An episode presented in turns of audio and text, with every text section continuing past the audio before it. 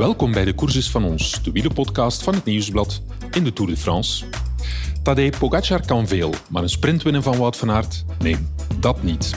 Van Aert scoorde in Lausanne op assist van Nathan van Hooijdonk, de 2-2 gelijkmaker in het duel tussen de gele en de groene wonderboy van de Tour. Poggi, jij mag weer aftrappen.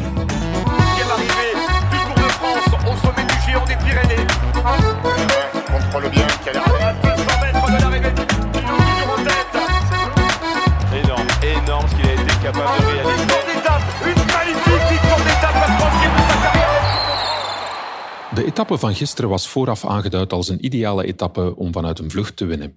Maar dankzij berenwerk van Nathan van Hooijdonk samen met een paar mannetjes van Bike Exchange voor Michael Matthews werden de vluchters gegrepen en kon Wout van Aert oppermachtig naar de ritzege sprinten. Je mag nog zo goed zijn, de puzzelstukjes moeten allemaal op hun plaats vallen. In het peloton laten ze dat niet zomaar aan het toeval over. Nee, in de volgwagens wordt er gebeld en gewhatsappt naar andere ploegen om in te schatten over animo is om achter de vluchters te rijden. Frank Maassen gaf bij de aankomst een opmerkelijke en openhartige inkijk op hoe dat eraan toe gaat. Bike Exchange wilde wat mannetjes laten rijden en dan wilde hij gerust Nathan van Hooijdonk opofferen. En hij ging ook lobbyen bij Alpes in de Koning. Zeg mannen, Philips heeft nog niet gewonnen. Rijden jullie ook niet mee op kop? Na die bel- en WhatsApp-ronde wordt de balans opgemaakt. Heeft het zin om achter de vlucht te rijden? Zullen er voldoende andere ploegen meerijden? Of staan we er alleen voor? Luister even mee. Je zei net al in het Engels dat, je, dat jullie vreesden dat er geen andere ploeg wilde meewerken. Een paar dagen geleden hebben jullie daar een ander plan bedacht. Hoe bepalen jullie dan dat jullie vandaag wel voor de sprint wilden gaan? Ja, een rondje bellen hè, van tevoren. Dus eh toen merkte ik al dat er weinig animo was. En, eh, alleen uh, Matthew White eh, zei van we gaan ervoor. Hoor. Dus we hadden in ieder geval één bondgenoot. En we wisten ook dat we een hele hoop eh, tegenstanders hadden. Maar gelukkig gingen er maar drie man in eh, ontsnapping dankzij een beetje die valpartij. Ja, ja. Dus dat was een gelukje. ja. Maar dat is echt gewoon een beetje rondbellen met de andere ploegleiders of appen. Of, Ja, even, eh, even vragen hoe ze ervoor staan en inschatten van eh, ja, wie wat wil. ja, en dan weet je, ik heb maar één medestander, maar dan denken jullie deze aankomst is zo geschikt voor Wout, we, we gaan het toch proberen. Of is dat dan... eh, Ja, we hebben gezegd we gaan alleen met, Ma- met Nathan rijden. En als, eh, als we zien dat we daarmee niet de controle kunnen houden, dan hebben we pech. ja. Maar Nathan was zo goed dat het... Dat, dat, Nathan was, eh, ja, was eh, echt outstanding. Fantastisch gereden. Dus eh, ja, was echt goed om te zien. Maar dan moet je ook wat geluk hebben dat, dat je zo'n kopgroep hebt. Die mannen reden ook wel heel hard. Op enig moment ja, hebben we nog een keer bij Alpecin gevraagd of ze nog mee wilden rijden. Want we dachten ja, misschien dat ze toch weg gingen blijven. En ehm, ja, eh, in de finale was het zo hectisch dat, eh, dat het gelukkig niet nodig was. het was echt het plan om alleen Nathan te laten werken. De rest Ja, de rest zou eh, niet rijden. Als, eh, als Nathan gebroken was, dan, eh, dan waren die drie weggebleven. Met die andere ploegleider van Jumbo-Visma, Arthur van Dongen, maakte ik de balans op na de tweede ritzege van Wout van Aert, waarmee hij een gouden zaak deed in de strijd voor het groen. Tadej Pogacar mag oppermachtig lijken, bij Jumbo-Visma is de strijdvaardigheid groot. De goede prestaties van Van Aert geven de ploeg zo in zekere zin ook mentale kracht in de strijd tegen het fenomeen Pogacar. Arthur van Dongen, ehm Tadej Pogacar kan heel veel, maar winnen van de spurt van Wout van Aert, dat nog niet. Gelukkig niet. Ja, inderdaad, Pogacar kan eh, haast alles. Maar eh, wij hebben Wout van Aert en die eh, bewijst vandaag opnieuw na een hele lastige finale. Want het liep echt heel lang eh, pittig omhoog. Dat hij toch het verschil, eh, eh, verschil weer kan maken. Ondanks dat hij werd ingesloten best nog wel van ver moest komen. Maar ja, na zo'n lange pittige aankomst dan is Wout gewoon heer en meester. En eh, gelukkig maakt hij het weer af, dus daar zijn we heel blij mee. Ja, we wisten dat dit een aankomst is die wij... eh, eh, voor onze groene missie met rood hadden omcirkeld in, in onze planning. Dus we wisten dat dit, dit een hele belangrijke dag was voor Koen. Maar ook dat Wout hier het verschil kon maken. En daarom hebben wij ook de controle meteen eh, gepakt met eh, Nathan van Hooijdonk. Hoe bekijken jullie de situatie met Pogacar? Want hij lijkt de sterkste man in koers. Anderzijds hebben jullie twee renners om mee te spelen. Ineos 3, 4. Ja. Eh, wat is er allemaal nog mogelijk? Hoe kan Pogacar eventueel toch in verlegenheid gebracht worden? Ja, dat zullen we de komende, de komende weken gaan zien. Hè. We zitten nog niet op de helft. Dus eh, het is nog lang niet gestreden. En Pogacar is heel sterk en we onderschatten niemand. En Pogacar in het bijzonder niet. Maar eh, we gaan ons zeker nog onze huid zo duur mogelijk proberen te verkopen. Eh, en daarom proberen we ook Primos, eh, die vanochtend heel veel last van zijn rug had... proberen we toch eh, kort in het klassement te houden. Ja. Dan moet hij hem nog altijd in de gaten houden. Hè. Zelfs al eh, staat hij op wat achterstand, kan Pogacar hem niet zomaar laten rijden. En kunnen jullie daar misschien iets mee doen? Hè? Secondes eh, zijn op dit moment heel van naam, maar eh, het kan wel met minuten gego- gegooid gaan worden bepaalde dagen. Dus eh, wie weet. Veel mensen vonden het hoopgevend wat Jonas Vingegaard getoond heeft op La Planche Belfier. La Super Planche Belfier. Vond jij dat ook? En hoe wordt dat in de ploeg gezien? Ja, dat wordt, dat, hij, Jonas heeft gisteren één fout gemaakt, is om de sprint te vroeg aan te gaan. Eh, en anders dan wint hij gisteren en dat was helemaal magistraal geweest. Maar eh, ja, Jonas is nog altijd groeiende en we zien hem nog hele mooie stappen maken. En eh, ja, hij is gewoon, gewoon weer in hele goede vorm. Dus ook daarin denken we dat er nog heel veel in het verschiet ligt. Klein feestje vanavond toch? Opnieuw een klein feestje, maar morgen is weer een heel voorname dag. Succes, dank je. In de top 10 staan vier renners van Ineos Grenadiers. Jaron Thomas op 1.14, verder Adam Yates, de verrassende Tom Pitcock en Danny Martinez. Pitcock is een interessante bonuskaart. Hij is niet naar de Tour gekomen met als insteek een goed klassement te rijden en dus kan Ineos hem gerust vooruitsturen om UAE onder druk te zetten. Want Pitcock wil je ook geen kwartier laten wegrijden. Reken maar dat ze bij UAE drie grote bedreigingen zien voor Pogacar. Jonas Vingegaard, COVID, zeker na de positieve test van Vegard Lengen, en het blok van Ineos Grenadiers. Bij de start ging ik praten met Dylan van Baarle, de winnaar van Parijs-Roubaix, over de mooie uitgangspositie van zijn ploeg Ineos. We zien allemaal dat de 36-jarige Jaron Thomas in goede vorm verkeert, getuige zijn eindzege in de Ronde van Zwitserland. Wat me vooral bijbleef uit het gesprek met Van Baarle, is dat hij bij de doorgaans jolige Thomas een soort van focus ziet, die hem doet terugdenken aan 2018, toen Thomas de Tour won, en 2019, toen hij tweede werd. Thomas is wat stiller, wat meer in zichzelf gekeerd, gefocust en de blik naar binnen gericht op het brandend vuur om te tonen dat hij het nog kan. Willem van Baarle, jij komt uit de teambus. Eh, ja, het is eh, dik half uur voor de start, met een koffietje erbij. Dat is eh, dagelijkse routine. Ja, ik kan wel zeggen dat ik elke dag met een koffietje start, ja. Hoe beleef jij de Tour de France? Want je zit in, in een ploeg waar ja, best wat eh, grote namen rondrijden. Jij natuurlijk in een ondersteunende rol. Hoe is dat voor jou? Ja, het is niet anders dan andere jaren. Ik, eh, ik ben hier om, om te helpen. Dat probeer ik zo goed mogelijk te doen. De jongens staan, eh, staan er goed voor. We hebben nog vier man in de top 10. Ehm, dus ja, dat is altijd, eh, altijd lekker als dat, eh, dat gebeurt dan. Want dat is een beetje de reden waarom ik hier sta. Inderdaad, het valt op. Je kijkt eh, naar die top 10, dus best al wat gebeurt. En eh, jullie staan daar keurig met vier, eh, vier man. Eh, iedereen vraagt zich af, Pogacar valt daar iets tegen te beginnen. En dan kijkt men wel naar die vier man van Ineos.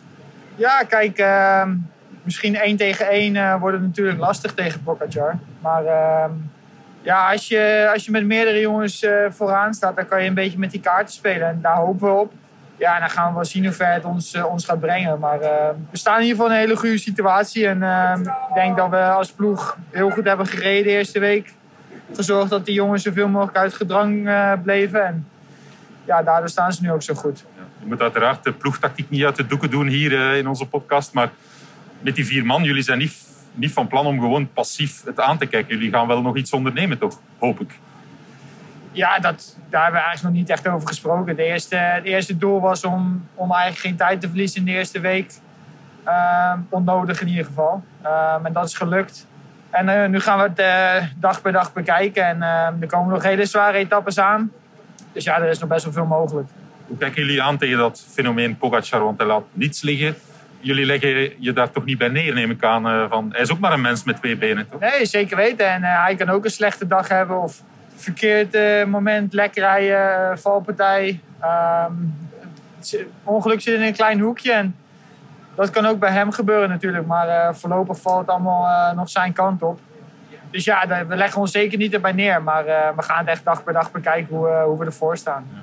Het is fantastisch ook om te zien dat Geraint Thomas, ex-tourwinnaar, echt wel een goede vorm te pakken heeft. Hè? Op zijn 36e verdorie.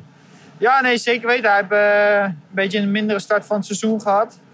Maar hij is eh, ja, met de overwinning in Zwitserland ehm, heeft hem heel veel zelfvertrouwen opgedaan, denk ik. Hij ziet er fit uit, hij ziet er fris uit. En, en je merkt dat hij iets, iets meer gefocust is in de bus. Dus dat hij iets eh, kalmer is. ja, ik kan me dat nog herinneren van 2018 en 2019, waar hij natuurlijk won en tweede werd. Dat hij ook ja, iets kalmer is, eh, iets meer in zichzelf. Dus ja, daarin kan je wel zien dat hij, eh, ja, dat hij het er echt op heeft staan. Maakte jij daar deel uit van die ploeg van 2018 in de Tour? Ik dacht van niet, hè? Nee. Nee, maar ik bedoel inderdaad in het trainingskamp daarvoor. Ja, oké, Eh, ja, ja. sorry. Ja. Ehm, maar ja, in 2019 was ik er wel bij. En ja, dan merkte je wel dat hij echt eh, ja, iets meer op zichzelf is. Hij is hier met een missie. Hij voelt, ik heb goede benen, ik wil daar iets mee doen. Ja, het zou zonde zijn als je daar niet iets mee doet. Uiteraard. ja, dus eh, ja. Ik neem aan, de, de echte pure stress van iemand die het allemaal nog moet bewijzen, dat hij dat misschien niet heeft. Nou ja, ik denk als je één keer wint, wil je, wil je bewijzen dat je het ook twee keer kan winnen. En tuurlijk, eh, het verlicht natuurlijk wel heel veel de stress dat je al een keer de Tour gewonnen heeft. Maar ja, zoals ik hem ken, wil hij zich gewoon bewijzen dat hij, eh, dat hij het nog een keer kan doen. En dat, dat is vaak het moeilijkste om, om het dan te bevestigen. Eh, hij is natuurlijk tweede geworden toen achter Egan. Maar ja, ik denk dat hij er wel gebrand op is om eh, iets moois te laten zien. Van buitenaf hebben wij ook de indruk, ja, hij is een, een persoonlijkheid. Ja. Heeft een bepaalde flegmatiek en eh, ja, een beetje Britse humor. Is dat intern ook zo, dat soort eh, humor? Ja, nee, zeker weten. Hij is eigenlijk zoals hij in de interviews is, is hij ook aan tafel. En ehm, hij heeft zijn grapjes klaar. Ja, en ik, ik kan zijn gezelschap wel waarderen. De kasseirits, dat vroeg ik mij af. We hebben jou daar niet gezien. Wat was jouw verhaal daar? Ehm, ik zat bij sector 3 nog in de eerste groep. En toen moest ik wachten. Eh, omdat eh Geraint en de andere man in de tweede groep zaten. En op het moment dat ik aan het wachten was, rijd ik mijn ketting eraf. En komt rond mijn krenk. En ehm, ja, toen kon ik eigenlijk niks meer. Toen moest ik wachten op de auto. Dus eh, ja, dat was, eh, was misschien een fout van mezelf om op de kasseien te wachten en te stoppen met trappen. Maar ja, daar, heb ik, daar moet ik dan maar van leren. Ik weet niet wat we daar kunnen over zeggen, maar het is een beetje een publiek geheim dat, dat de kans toch groot is dat je de ploeg gaat verlaten. Op zich is dat wel opmerkelijk dat je toch dan wordt geselecteerd voor de Tour. Vaak zie je bij ploegen waar een renner mogelijk de ploeg gaat verlaten, dat die dan ja, een beetje toch op het achterplan wordt geschoven. Ik zou zo denken, dat zegt veel over het vertrouwen dat de ploeg in jou heeft. Dat jij tot de laatste dag jouw job voluit gaat doen, toch? Ja, nee, zeker weten. En eh, zo sta ik er ook in. En dat weten ze bij de ploeg ook. Ik heb eh, ja, nu 4,5 jaar eh, lang eh, bij deze ploeg gereden. En ik heb van dag 1 tot en met vandaag eh, het beste van mezelf laten zien. En ehm, ja, en dat ziet de ploeg ook. Dus ik denk dat ze dat, dat vertrouwen wel, wel in me hebben. Dat ze, dat ze me daardoor meenamen naar de Tour. Ik belde daarnet in de auto met Hans Ruggenberg hè, om een beetje van de Telegraaf-collega een beetje horen van Dylan van Baarle. Geef eens mij eens wat tips enzovoort. Hij zei van, ja, wat Dylan wel heeft, is hij is een, een super prof. En net daarom geeft de ploeg hem ook veel vrijheid in zijn begeleiding enzovoort, omdat ze daar heel veel vertrouwen in hebben dat hij werkelijk echt committed is. Maar van buitenaf had ik dat zo niet gedacht. Eh, je bent echt heel ernstig met jouw vak bezig, toch? Ja. Nou Heel ja, ik, ehm, ik probeer eh, er alles uit te halen. En ehm, ja, ik weet niet waar dat vandaan komt, maar ik denk dat het eh, meer ook te maken heeft met het, met het verleden. Eh, mijn ouders zijn gescheiden en mijn moeder heeft er altijd voor moeten knokken om, om ons te laten fietsen. Dus ehm, mezelf en mijn zusje. En die heeft daar veel voor op moeten geven. En eh, ik denk dat dit, het minste is wat ik, wat ik terug kan doen. Alles, alles ja, eruit halen wat erin zit. En ja, daardoor ben ik misschien soms ook wel iets meer op mezelf. En hou ik er ook best wel van om alleen te trainen. Maar ik, ik, heb daar totaal geen moeite mee. En ik weet, ik weet waarvoor ik het doe. En ehm, ja, het heeft me al hele mooie dingen gebracht. Het is misschien ook veelzeggend voor de nieuwe wind die er in de ploeg waait. Want vroeger Team Sky was een beetje alles geprogrammeerd. En nu willen ze toch ook wat vrijheid, vertrouwen geven in de koers en blijkbaar daarbuiten. Dat je daarin past met je, je eigen aanpak. Nou, ik, heb, ik heb, ik ben twee jaar geleden van, eh, van trainer, coach veranderd. En met die coach eh, ja, heb, heb ik een hele goede band en kunnen we, dingen, kunnen we wel echt sparren over dingen. En uiteindelijk heeft dat wel een tijdje geduurd bij de ploeg ehm, om te snappen wat ik zeg maar wilde en ehm, wat ik daarvoor nodig had. Eh, en dat is gewoon soms meer trainen als de andere jongens. Eh, andere voorbereidingen op wedstrijden dan wat gebruikelijk was. En ja, dat heeft gewoon een tijdje geduurd voordat, eh, voordat ze dat inzagen, dat het bij mij werkte, zeg maar. Maar met deze, deze nieuwe coach, ja, hij, snapt hoe mijn, eh, mijn lichaam werkt. En ehm, ja, hij eh, vertaalt dat dan richting het eh, management. En zodoende ja, ben, ik, ben ik nu zeg maar waar ik wil zijn. Ja. Met je achtergrond die je hebt, wat je net vertelde, van, dat je toch van ver komt. En hier in de grootste race ter wereld staan, fietsen van 12.000 euro bij wijze van spreken, kan je dat nog altijd in perspectief plaatsen van dit is wel niet evident waar ik sta. Veel jongens dromen daarvan. Nee, zeker weten. Soms is dat wel... eh, het lijkt allemaal zo gewoon. Maar zeker na Parijs-Roubaix krijg je dan veel berichtjes eh, van vooral jonge fans. En ja, dan pas merk je eigenlijk eh, wat wij doen, hoe groot het is. Ehm, en dat is dan wel een goed moment om daarop terug te reflecteren. En ehm, ook bij mijn vrienden en familie zelf. Ja, dan pas ja, zie je wat, wat wij eigenlijk aan het doen zijn, dat het best wel speciaal is. Ploegmakers zijn zich aan het klaarmaken. Ik zou zeggen, ga naar jouw fiets, ga je job doen. Hè? Dankjewel. Hugo over zijn.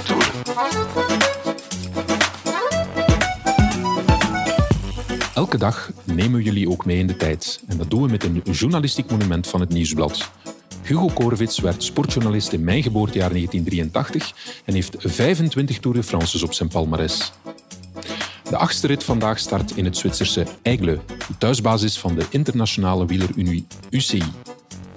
De Zwitserse passage doet Hugo denken aan de Tour van 2012, toen een 22-jarige Thibaut Pinot in Porrentruy een schitterende ritzege boekte.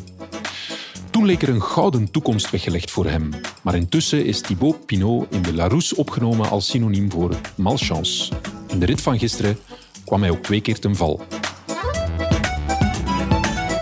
Winst van Thibaut Pinot. eh, ja, toen, ik denk een jaar of 22.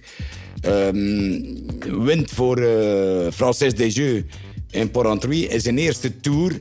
eh, niet eens een gemakkelijke rit. En Frankrijk had eindelijk de opvolger gevonden van Bernard Hinault. Het, zou, eh, het moest en zou Thibaut Pinot worden. En eh toeval wel, het gebeurt niet zo extreem veel in de Tour. Dat, en zeker eh, in deze coronatijd nog veel minder. Maar toen ja, zaten we diezelfde avond net over de grens in Frankrijk. ehm, in het hotel van uh, Francis Desjeux. Eh, waar de VIP's eh, ook sliepen en de renners sliepen. En ik botste toevallig ja, na het eten op eh Thibaut Pinot, die mij niet kende.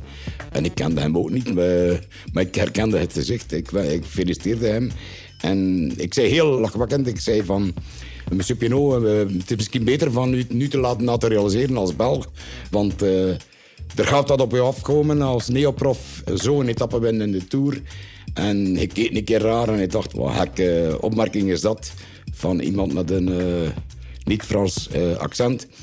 En ja, uiteindelijk is Pinot eh, de afgelopen tien jaar een van de verscheidene hopen geweest in bange toerdagen voor de Fransen.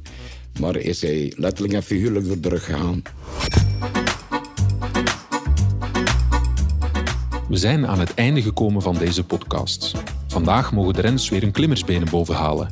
De slotklim heeft geen steile stukken om een aanval te plaatsen. Houdt Pogacar zich dan toch eens een dag gedijst? Afspraak morgen vanaf 7 uur voor een nieuwe aflevering van de Koers is van ons. Heel graag, tot dan.